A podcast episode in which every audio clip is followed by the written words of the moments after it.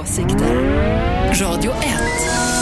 Efterlyst special med Hasse Aro presenteras i samarbete med Very Sure.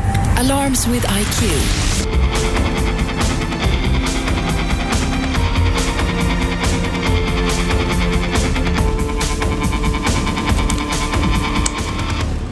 Välkomna hit Efterlyst special. Idag så fattar den svenska riksdagen beslut om ett av de förslag som skakat om EU som allra mest. Ett förslag som diskuterats och som eh, verkligen har skakat om eh, hela Europa. Det handlar om det så kallade datalagringsdirektivet.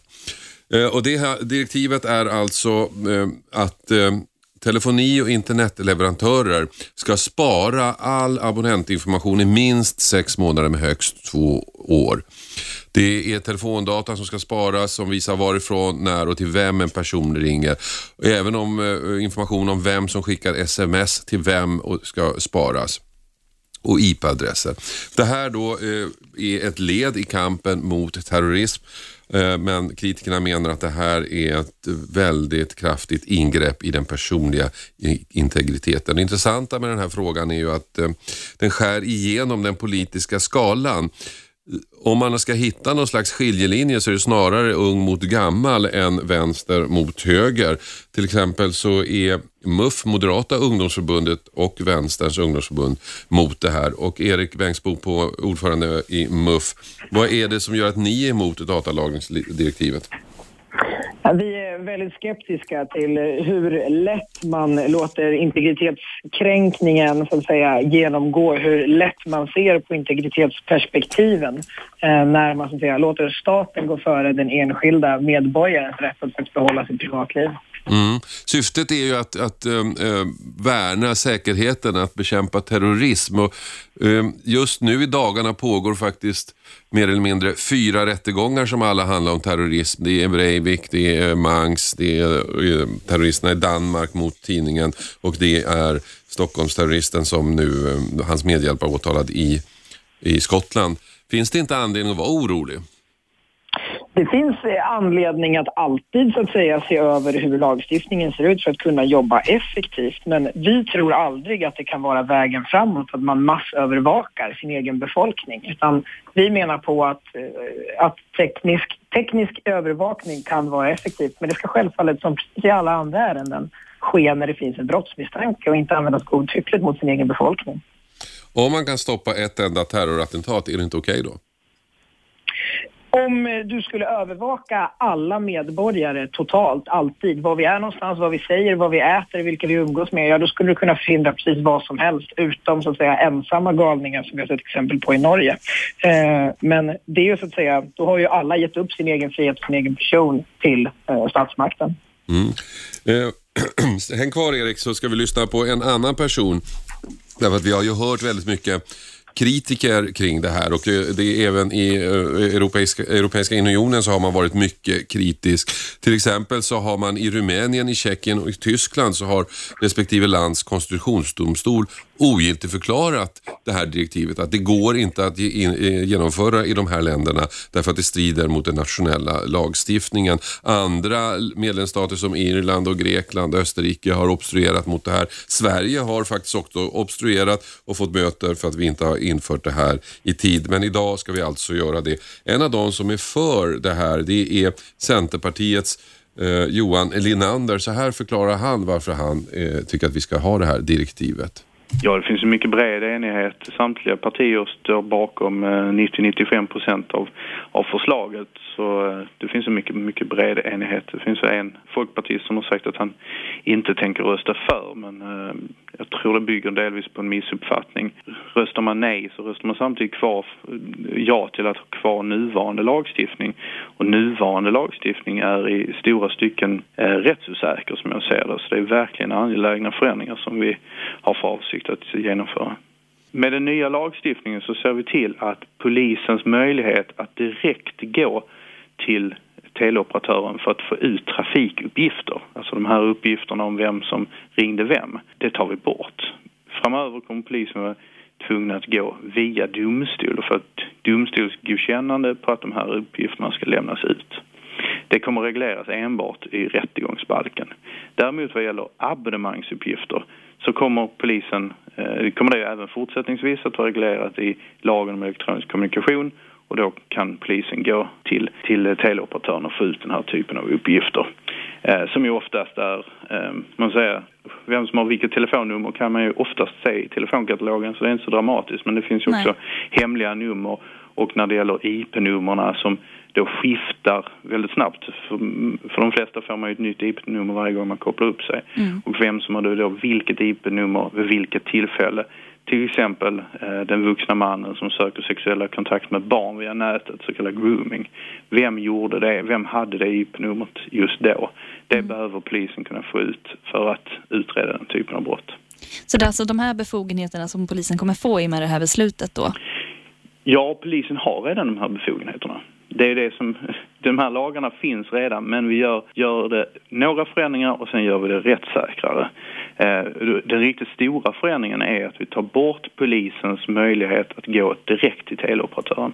Idag är det så att om polisen ska utreda ett brott som har ett minimistraff i straffskalan på två års fängelse, det är ju riktigt grova brott, och pratar om grovt rån, mord, den typen av brott. Mm. Då går polisen direkt till, låt säga Telia. Telia har egentligen ingen möjlighet att kontrollera. De kan inte få ut hemliga förundersökningshandlingar utan Telia lämnar ut uppgifterna till polisen mm. utan att någon domstol har, har granskat det. Det tycker inte vi är tillräckligt rättssäkert. Därför ändrar vi, tar bort den möjligheten som idag finns i lagen om elektronisk kommunikation och istället säger att nej, polisen måste gå igenom rättegångsbalkens regler och då blir det en domstolsprövning. Alltså domstol ska säga ja, ni får ta ut de här uppgifterna för att lösa det här grova brottet. Så lite som en digital eh, husransakan? Ja, alltså ska jag försöka ge något exempel så det finns ju olika uppgifter. Om, om polisen har en misstänkt person, låt oss säga man misstänker för ett grovt narkotikabrott, mm. så vill man också se vem har den här personen eh, som Eh, Eh, över sig. Han har sålt narkotikan men vem är det egentligen som har smugglat in dem? Vem sköt de stora ruljangserna och egentligen tjänat några stora pengar?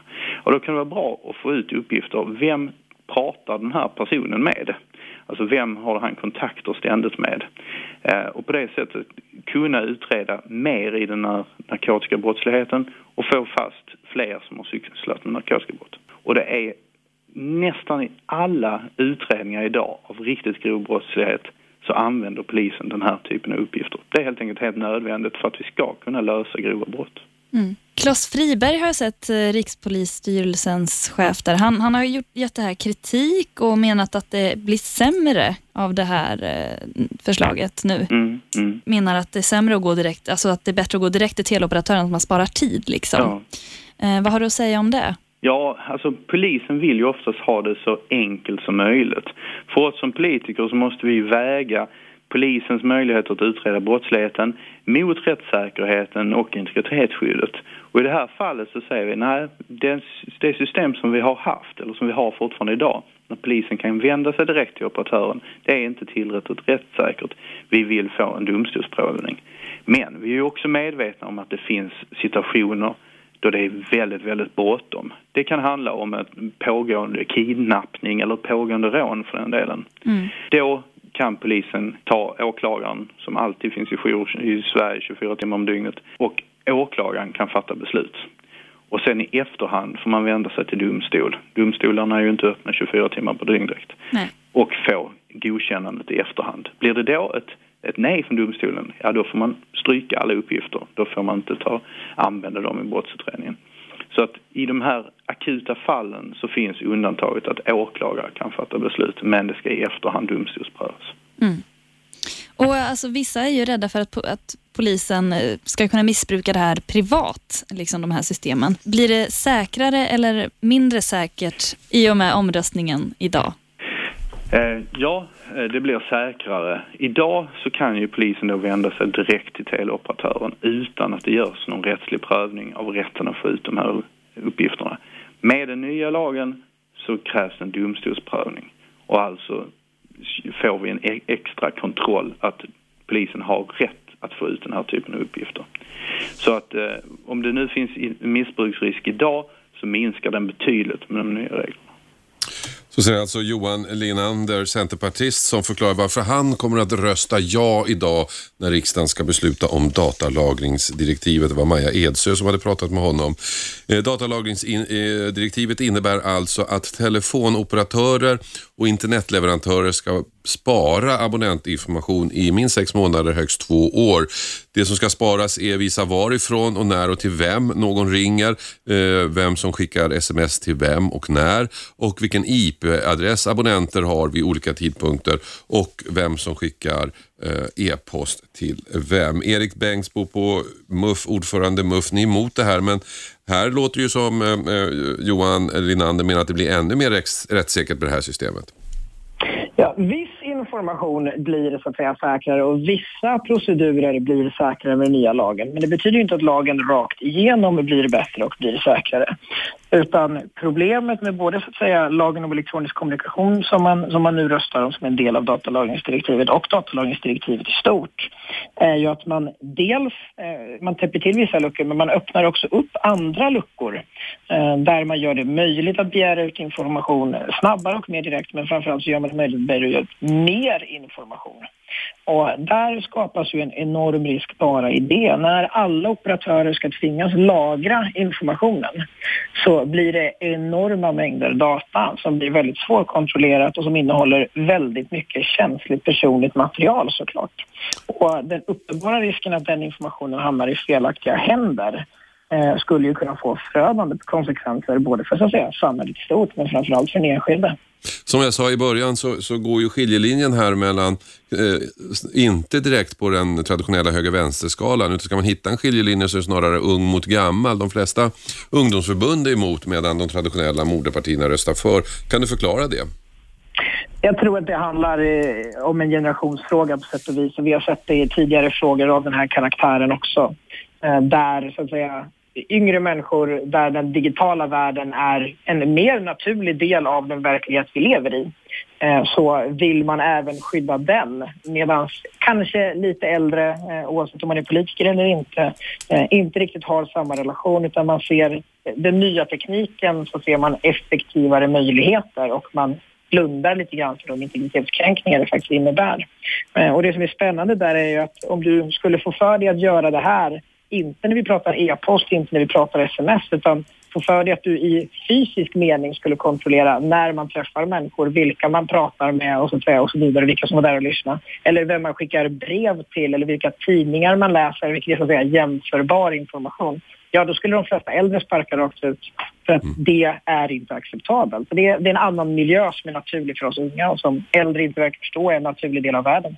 Du menar att de fattar inte vidden av det här helt enkelt?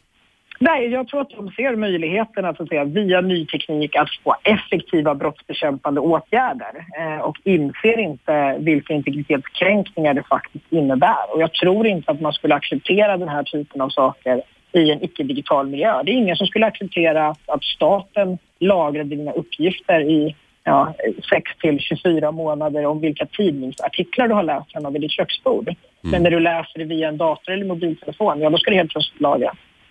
Tack så mycket Erik Bengtsbo, eh, ordförande i Moderata ungdomsförbundet. Detta med anledning av att riksdagen idag debatterar eh, delar av datalagringsdirektivet och ska fatta beslut om det. Du lyssnar på Radio 1, Efterlyst special. Hasse Aro heter jag.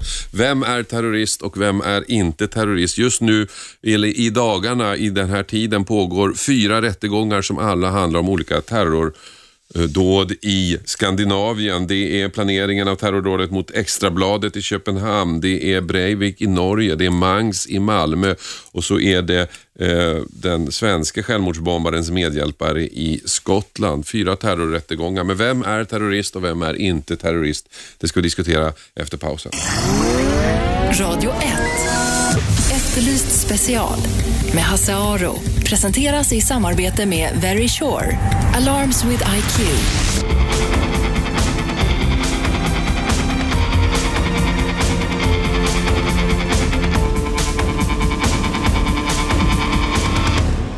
Välkomna tillbaka till Efterlyst special. Hasse Aro heter jag. Som sagt, på måndag börjar rättegången mot Peter Mangs i eh, Malmö. Peter Mangs som alltså är åtalad för tre mord och tolv mordförsök och sen lite andra saker, skadegörelse och andra saker.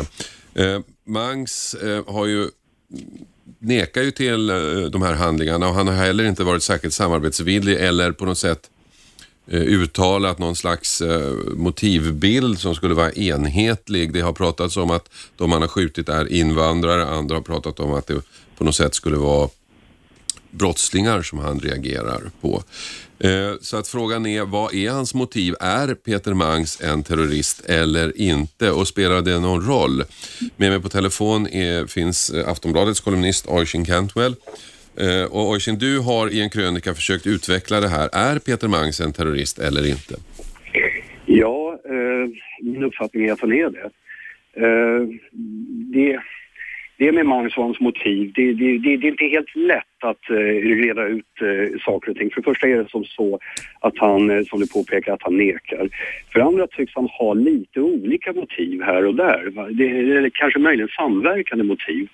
En sak är ju att eh, eh, han eh, hatar dömda brottslingar, framförallt dömda narkotikabrottslingar, vilket tros ha att göra med att hans syster dog i en överdos. Han är bland annat åtalad för eh, har planerat ett mord på en etnisk svensk man. Men vi kan ju inte blunda för att han, eh, de han har mördat eh, de är ju alla, de har en sak gemensamt, det är invandrare med invandrarbakgrund och nästan alla mordförsök riktar sig mot människor med invandrarbakgrund. Och det menar jag, det, det, det är en fråga av terrorism och vi måste kalla saker och ting vid sitt rätta namn. Mm. Det pågår ju nu eh, eh förutom Mang som börjar på måndag så pågår det tre rättegångar eller precis avslutas som alla handlar om någon slags terrorism i Skandinavien. Det gäller ju det planerade terrordådet mot Extrabladet i Köpenhamn. Och sen så är det ju Stockholmsbombarens medhjälpare som är åtalad i Skottland. Och sen är det då naturligtvis Breivik. Och gemensamt för de här tre är ju att där handlar det om terrordåd där så att säga den skyldige verkligen går ut och uh, har en avsiktsförklaring och berättar varför han gör de här dåden. Och, Just det. och, och då, då råder ingen tvekan. Men, men Mangs är det ju inte riktigt så. Nej, alltså det här är ju en annan typ av terrorism, vilket inte innebär att det inte är terrorism. Eh, EU definierar terrorism bland annat som eh, våld som syftar till att injaga skräck i befolkningen eller en befolkningsgrupp. Och vi kommer ju inte ifrån, och det kan, Magnus måste ju ha varit medveten om att han injagade en oerhörd skräck i Malmös invandrare. Mm. Men samtidigt så avstod han så att säga från, från möjligheten att injaga mer skräck genom att på något sätt göra tydligt att, att det fanns ett syfte. Ja, men det, det, det, innebär ju inte att han, att han inte var terrorist. Alltså han påminner mig väldigt mycket om John Ausonius. Mm. Slumpmässigt utvalda offer, eh, alla med invandrarbakgrund. Onis nekas ju också genom utredning och rättegång. Eh, erkände sen ett antal år senare sina brott och sa att de var politiskt motiverade. Mm. Det Ausonius då, den så kallade lasermannen som sköt ett antal personer i Stockholm. Nu kommer jag inte ihåg hur många det var just så här. Ja, han mördade en och så tror jag att han dömdes för nio eller om det var tio eh, ja, mordförsök. Och så utöver det tiotal bankrån också. Men det var ju ganska länge sedan. Nu, nu, nu ja. känns det som om den här motsättningen mellan å ena sidan eh, så har du muslimsk terrorism, jihad, och å andra sidan har du svensk eller skandinavisk terrorism som riktar sig mot just muslimer och invandring. Ausonius eh, känns ju som han var lite mera Eh, vag? Det var invandrare i största allmänhet? Ja, det var ganska länge sedan, det har du naturligtvis rätt i. Men samtidigt så påminner den tiden om eh, eh, vår tid. Då hade Ny Demokrati kommit in i riksdagen, flyktingförläggningar stacks i brand. Eh, det var en polariserad tid och det är ju vår, vår tid också. Eh, till saken hör att Mangs faktiskt köpte den här boken om, om eh, Lasermannen som författaren Gellert Hamas skrev, mm. den köpte han innan eh, attentatsserien inleddes. Ungefär som om eh, eh, han sökte inspiration. Mm. Eh, vad, tror, vad tror du rör sig i hans huvud? Det kan vi endast spekulera i. Alltså det, det, här är en väldigt, väldigt märklig figur. Han har ju nekat i polisförhör, han sitter och sjunger i polisförhören, han beter sig väldigt konstigt. Samtidigt har han ju för häktespersonal och för sin psykolog eh, medgett eh, mord. Eh, till någon kompis kan han ha sagt att han strävade efter att bli berömd och det har han ju onekligen lyckats med. Det, det, det, det går bara att spekulera i vad som rör sig i den mannens huvud. Han, han, han, han är, hur vi än vrider och vänder på det, inte riktigt normal.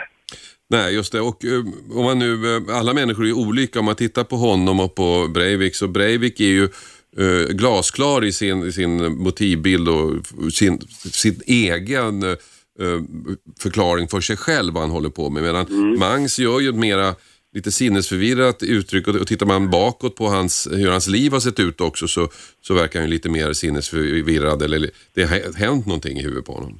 Absolut, absolut. Det håller jag med om. Men det innebär ju inte att det inte handlar om terrorism. Jag kan mycket väl tänka mig att om Adolf Hitler återuppstod och genomgick en, en sinnesundersökning skulle den mycket väl kunna visa att, att eh, här har vi att göra med en man som inte är frisk. Vilket inte innebär att, att, att eh, Hitler saknade politiska motiv, för det hade han ju i allra högsta grad. Mm. Fyra, fyra rättegångar nu som pågår ungefär samtidigt, alla med rötter i terrordåd i Skandinavien. Vad, vad, vad säger vi om det? Jag tror att det Ja, men det är ett uttryck för två saker. Eh, å, å, ena sidan tror jag att det är en slump att allt det här sker just nu. Även om möjligen Breivik har ju sitt inledningsanförande i Oslo hyllat Magnus. Han kanske fick någon form av inspiration därifrån, vad vet vi.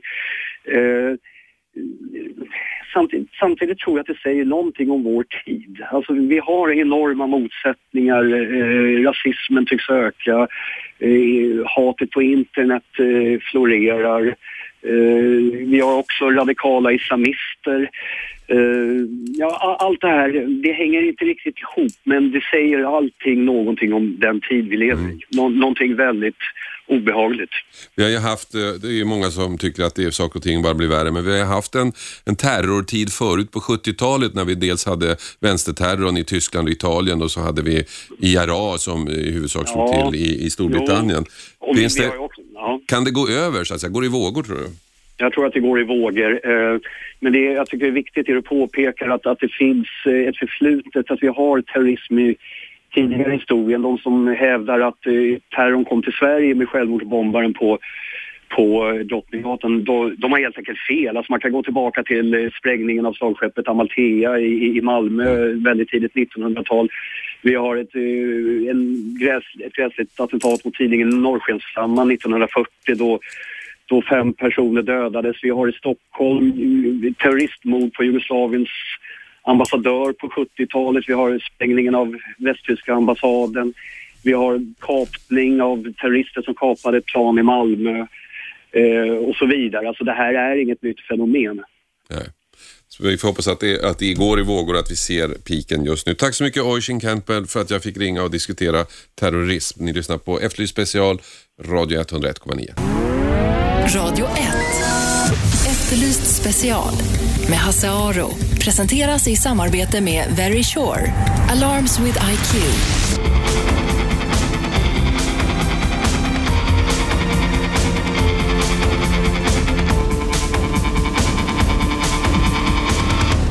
Välkomna tillbaka till Efterlyst special på Radio 1. Jag cyklade hit i morse, det är inte så långt och vädret var ganska, eller är ganska vackert här i Stockholm så att det var en bra dag att cykla på. Jag är ingen fanatiker, när det regnar så cyklar jag inte och på vintern cyklar jag inte. Jag tycker personligen att det är eh, folk som cyklar på vintern utsätter sig för onödiga risker.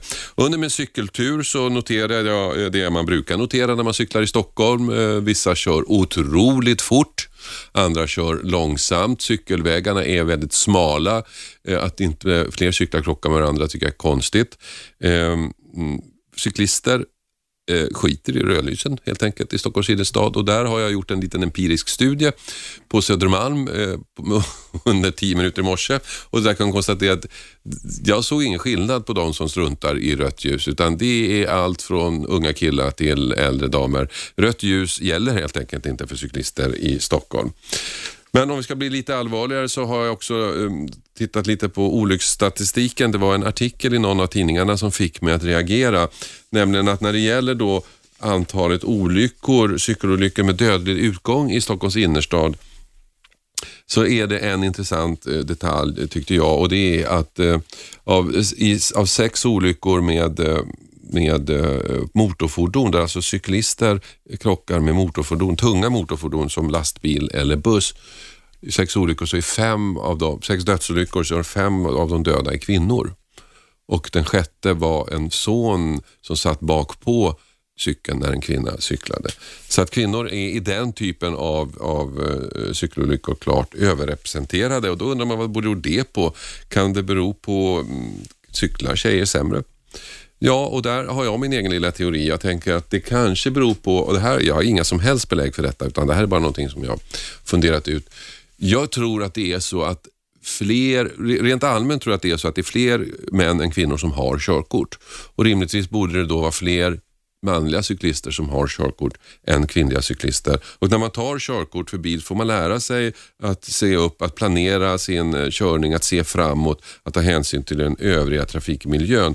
Därför är tyck, tror jag, cyklister med körkort bättre cyklister än cyklister utan körkort. Och Det kanske kan förklara eh, varför kvinnor eh, i högre grad råkar ut för olyckor med bil och cykel. Har ni någon annan synpunkt så ring gärna 0200 11 12 13. 0200 11 12 13. Eh, varför är det kvinnor som drabbas oftare av den här typen av olyckor? Vad tror ni? Eva Lindbåt från Cykelfrämjandet, håller du med mig om min teori? Jag är lite tveksam och orsaken till att jag är tveksam det beror på att vi inte vet. Vi vet inte hur de här olyckorna verkligen har gått till med högersvängande lastbilar och en, en cykel. Mm. Och Det skulle vara mycket bra om man gjorde ordentliga haveriutredningar för då kunde man också ta reda på om cyklisten hade körkort eller inte. Men är det ett intressant faktum? Är det någonting vi borde kolla på varför kvinnor i högre grad än män råkar ut för den här typen av olyckor?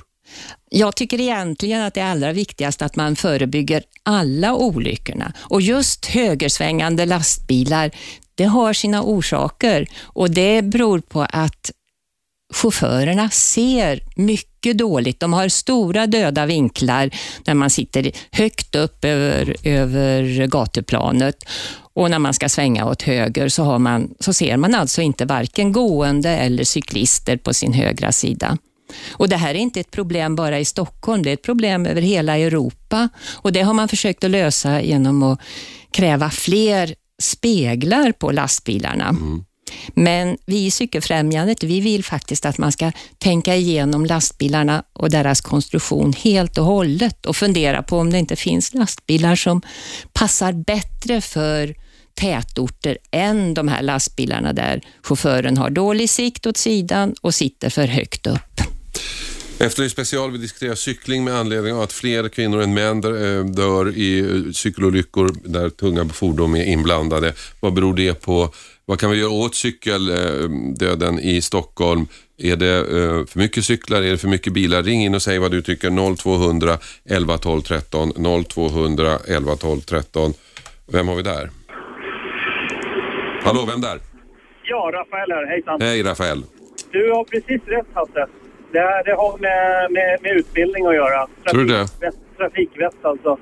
För att, eh, ja, det här med körkortsutbildning, det är, det är en stor bit det här med teori och ja, också liksom erfarenheten av att liksom vistas ute i en trafikmiljö. Mm. Det, det, det har ju svaret på att, att, att så många cyklister som du säger cyklar mot rött. Det är inte bara att kvinnor förolyckas mer, men eh, man märker det. Va? Det, det, det tror jag, och i kombination med att man ser hur eh, cykelbuden, eh, det har blivit liksom trendigt på något sätt att kunna kasta sig fram och ta sig fram precis hur som mm. helst på trottoarer. Och... Ja, cykelbuden är ju värst. Ja, och de sätter någon sorts liksom, standard. Va? För de mm. var de första som klädde ut sig i Tour de France-kläder och, och hjälmar och, eller ja, hur, hur de nu är utklädda. Va? Det, är liksom, det har ju blivit, det har blivit någon sorts race för att komma först till jobbet bland många. Ja, Rafael, eh, Rafael mm. Eh, det, det, du sa någonting som gjorde att folk reagerade. Nu ringer som 17. Ska höra ja. vad de säger. Hallå, vem där? Ja, hej. Det var Janne. Hej Janne. Jag ska gå ifrån radion där, sorry. Ja. Nej, jag funderar bara på eh, att det finns väl en helvetes massa olika möjliga förklaringar till det där. Det kan, ena kan ju vara att det är fler tjejer som cyklar. Mm. Eller hur? Ja, det vet inte jag. Det, det, det, Eva, vet du det? Hur, hur ser cykelproduktionen ut? Ja, det är ungefär jäm, jämställt där. Det är lika många män som kvinnor som cyklar här i Stockholm. Mm. Kvinnor kan ibland cykla mer i förorterna. Där, där är det högre frekvens ja. kvinnor. Hur ser det ut? På... Och vad det gäller körkort så den enda eh, undersökning som finns där så visar det sig att cyklister har 90 procent av cyklisterna i Stockholm har körkort. Mm. Men du vet inte hur könsfördelningen Men man vet inte könsfördelningen där, nej. Hur ser det ut på de, eh, de andra som var inblandade i olyckan, det vill säga de som klarade sig men körde lastbilen? Är det män eller kvinnor? Och... Ja, det vet vi inte heller, men det troliga är att det är män, för att det är mest män som kör lastbil inne i, i tätort.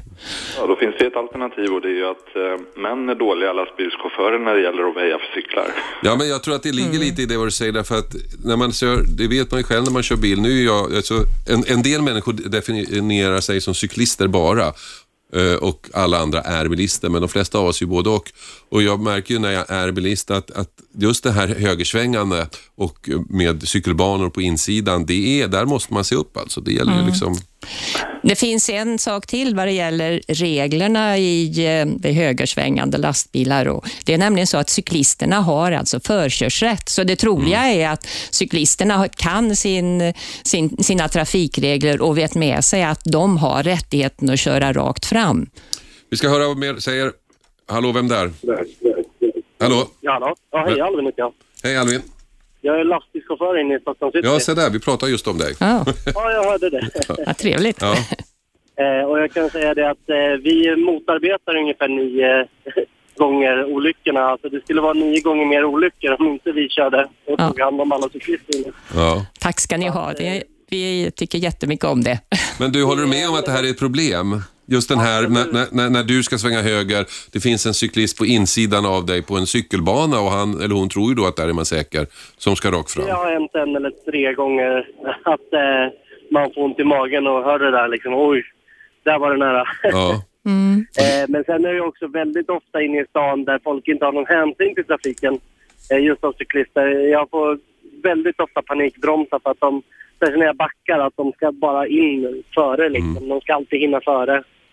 Jo, Alvin, hur, hur tycker du det är att, att, sitta i bilen? Har du bra sikt runt omkring? Eller, sit... Hyfsat, men jag brukar gilla att koppla av bilbältet just när jag är inne i city. På grund av just det att jag vill ha lite bättre sikt. Jag Skulle... vill kunna röra på kroppen mer. Skulle du kunna tänka dig att, bi, att, ha en annan bil som är lite annat konstruerad, som passar bättre för att cykla i, för att köra i tätort? Till exempel att du, kan, att du har lägre eh, sitsen sitter lägre så du kan gå ut i, i, nästan i gatuplanet istället och slippa ja, hoppa. Alltså, lastbilen i sig spelar ju faktiskt ingen roll så länge ändamålet... Eh...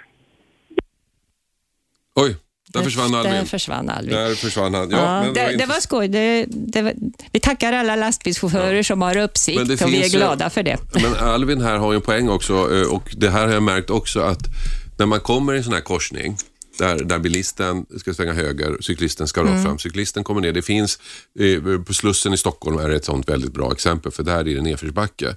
Och då kan jag tycka att de här cyklisterna kanske lite väl kraftigt hävda sin rätt att få för, köra före därför att när de, om, om, om det skiter sig så är det de som får betala om du förstår vad jag menar. Att man också kan förutse att den här bilen kanske inte kommer att se mig. Jag kanske ska agera som om, det, som om jag inte syns. Mm. Ja, det, eh, i Danmark, där, som är en cykelnation, där har man tittat på vissa typer av olyckor och just de här olyckorna med högersvängande bilar har man faktiskt gjort en riktig haveriutredning och gått igenom 30 stycken olyckor och analyserat vad ska vi vad är orsakerna till de här olyckorna och vad ska man kunna göra åt det för att, för att minska den här typen av olyckor? Mm. Och då har man till och med förbjudit eh, lastbilstrafik på vissa gator. Okay. Ja. Och man har framför allt visat mycket klarare vem som har företräde i trafiken. Mm. Så det är inte någon tvekan om vem som har det. Och Sen har de gjort ett förslag till som är rätt revolutionerande för eh, lastbilschaufförerna. Att de ska göra ett kort stopp mitt i kurvan. Mm. Alltså när de har gjort halva kurvan så ska de stanna och kolla en gång till. Och att det skulle vara ett obligatorium. Nu ringer det som 17 här. Vi hinner ett samtal till före reklamen. Hallå, vem där? Hallå? Hallå, vem där? Det är Birgitta. Hej Birgitta. Jag ska stänga av här bara. Jag hatar cyklar, jag hatar cyklister, jag hatar, de är inte kloka, de kan inte, de vet inte, de cyklar på trottoarerna och de ställer sina cyklar precis hur som helst och sen skiter de i dem och det, jag blir galen jag står inte ut. Mm. Du kanske ska flytta från stan så du får en trevligare miljö. Eh, jag tycker att cyklisterna kan flytta från stan. Eh. Nej, nu är det så att trafik, både vad det gäller hälsa och den är klimaten och, och nyttan av bättre, aj, aj, bättre aj, luft i stan. Det är det som vi ska lösa. Alltså, det, jag är fotgängare va, nu för tiden och de kör ju över en så man får ju titta sig till höger och vänster och är man synskadad som jag är så har man det väldigt besvärligt alltså. Men Birgitta, en bil hörs ju i alla fall. Ja, men Birgitta, ja, du, du, du lägger faktiskt eh, tonvikt på en ganska eh, intressant sak här, en ganska känslig att väldigt många cyklister i Stockholm är väldigt hänsynslösa. Alltså det finns någon slags nu ska jag, nu kanske jag tar i, men man har en känsla att de känner sig moraliskt överlägsna eftersom de är så fina människor och de tar hänsyn till miljön och allt möjligt sånt där. Och därför får de göra lite som de vill. Och vem som helst som kommer till Stockholm och ställer sig vid rödljuset behöver inte vänta inte ens en minut innan en cyklist kommer och kör mot rött. Så där Birgitta har du rätt. Ja, du, tack Birgitta för att du ringde. Eh, vi ska snacka vidare om eh, cyklister efter pausen. Eh, är det så att tjejer cyklar sämre än killar? Är det så att cyklister i Stockholm tror att de är moraliska övermänniskor och har rätt att göra hur sjutton de vill? Fortsätt ringa 0200 11 12 13. Jag tar samtal under reklamen. Åsikter. Radio 1. Efterlyst special med Hasse Aro. Presenteras i samarbete med Very Sure. Alarms with IQ.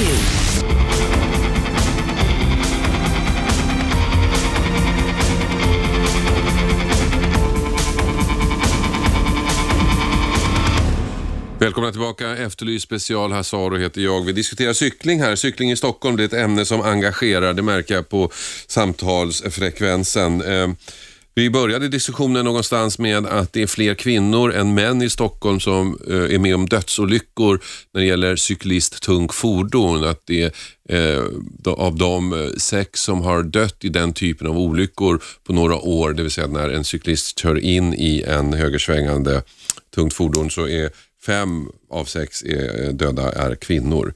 Eh, och Sen har diskussionen då svällt förstås i vanlig ordning eh, för att det gäller mm, cyklister i Stockholm överhuvudtaget. Är de arroganta och tycker att de äger världen bara för att de är finare människor? Med mig så har jag eh, Eva Lindbåt som är styrelsemedlem, styrelseledamot i eh, Svenska Cykelfrämjandet. Och det här med övermänniskor-teorin, den höll du inte riktigt med om. Nej. Nej. Det gjorde jag inte. Vi ska höra vad eh, lyssnare säger. Och det, de här olyckorna som vi pratar om och som det är likadant över hela Europa berättade Eva, att just lastbilar som svänger höger klämmer cyklister som kommer och ska rakt fram och där har cyklisten eh, företräde. Eh, och eh, det är väl det här som är det vanliga. Och vi har med oss eh, Magnus, du är med. Du är lastbilschaufför. Ja, hejsan. Vad tycker hejsan. du om det här problemet?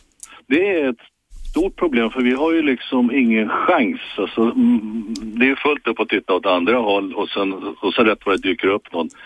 Har de dessutom kommit över ett övergångsställe så är trottoaren så ännu värre. Va? Men ja. man, är, man sätter sig i en situation som är, jag klarar mig, men jag får ju leva vidare med att jag har kört ihjäl en annan människa. Det är mm. fruktansvärt. Men det, varför jag ringde det var egentligen, det kanske låter lite att märka ord, men Eva sa ett uttryck där och den tycker jag speglar lite debatten. Du sa cyklisten har förkörsrätt. Företräde sa jag Ja, i trafiken har man inga rättigheter, man har skyldigheter. Du tog körkort när jag tog körkort, hör jag.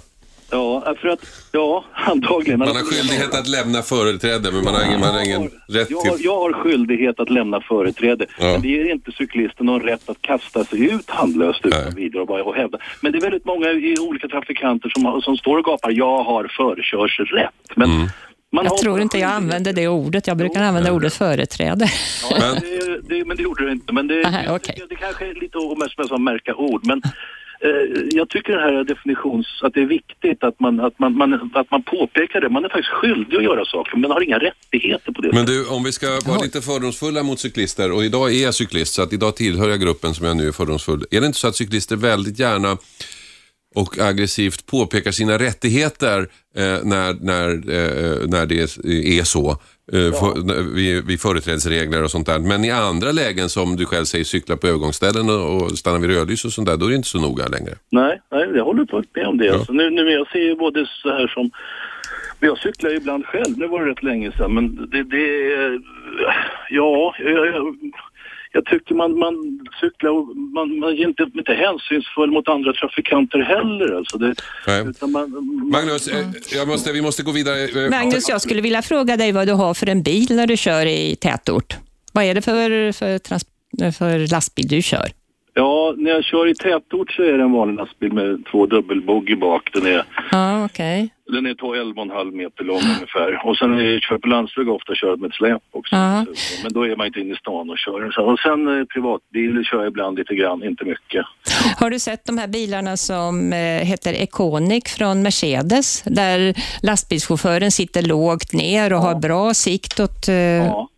vad, vad tycker du om dem? Ja, jag tror att det, som det, inte bara för säkerheten utan som, som, som det ser ut i stan, med, det, är svårare och svårare att komma fram och man behöver, så kommer nog det bli så att man, transporten kommer användas av mindre bilar vid distributionskörning för att man kommer inte fram helt enkelt med större bilar. Det kommer nog bli det tror jag också. Sånt, tror jag. Ja, och det, det är ju också lättare för dig att gå ur och i bilen när man sitter lite lägre ner. Ja, och så ser man ju vad som lättar runt också. Vad som ja.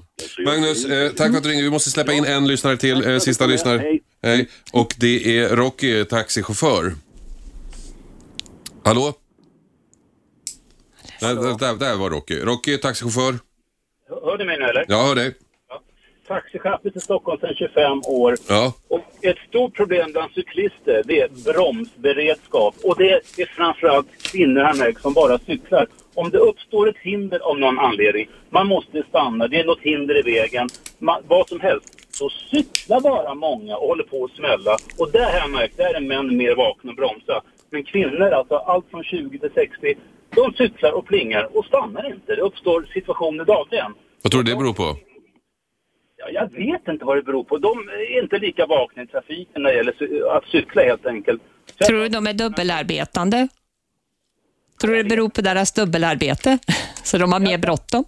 Jag tror helt enkelt att eh, de är inte lika vakna som en Nej, men jag tror att Eva har en poäng här. Att jag tror att många kvinnor som cyklar gör det för att det är det enda alternativet som står till buds. Jag tror att många män som cyklar, som jag till exempel, cyklar idag för att det är fint väder och så ställer jag bilen och så är jag miljönisse just idag. Och imorgon så om det regnar så tar jag bilen. Eh, och med många kvinnor, för dem finns det inget alternativ. Jag tror att det kan också vara en förklaring till att... att... Men man lär ju sina barn som är fem stök, så att om det uppstår ett hinder, bromsa. Det tycker jag är ganska logiskt, att man ska stanna. För jag vände häromdagen på en ganska trång gata. Jag lånade cykelbanan kanske i några sekunder. Ser jag en, en kvinnlig cyklist 20 meter bort. Och hon är lång. Och jag hade alltså precis lämnat cykelbanan, men det var lite tajt. Och hon plingar kom i 40 blås. Då måste man väl cykla, för ibland är, då måste man bromsa. För ibland hamnar man i situationer att man är trång. Så man, får, man, man, måste, man måste alltså hjälpas åt cykelbanorna är inte heliga. Man måste kanske låna fem meter. Så jag tycker cyklisterna tror att de är gudar. Rocky, cyklar du själv någon gång? Rocky? Jag åker motorcykel bara. All, ska du pröva att cykla och se hur det är att cykla i Stockholm i, i det här helgen kanske? Nej, jag, jag, gillar inte att cykla. Jag har trås i höften och det funkar inte. Men... Nej, trås i höften fungerar jättebra på cykel. Men motor, men, det är inga problem. När du kör motorcykel, Rocky, det är lite samma problem. Där är man också utsatt och, och bilister kan inte alltid avgöra hastighet och sådana saker. Jag, jag kör bara i Tyresö, inte inne i stan heller. Nej, okej. Okay. Rocky, det får bli slutordet. Eva, jag är ledsen, men äh, det är fler som vill äh, göra radioprogram i den här kanalen. Jag tackar dig Eva Lindbåt för att du kom hit på kort varsel från eh, Cykelfrämjandet. Mm. Efterlyst special är tillbaka imorgon. Då ska vi bland annat prata om pedofiler. Är det synd om pedofiler? Eh, men nu närmast så kommer Cissi Wallin att prata om något helt annat. 101,9 Radio 1 Sveriges nya pratradio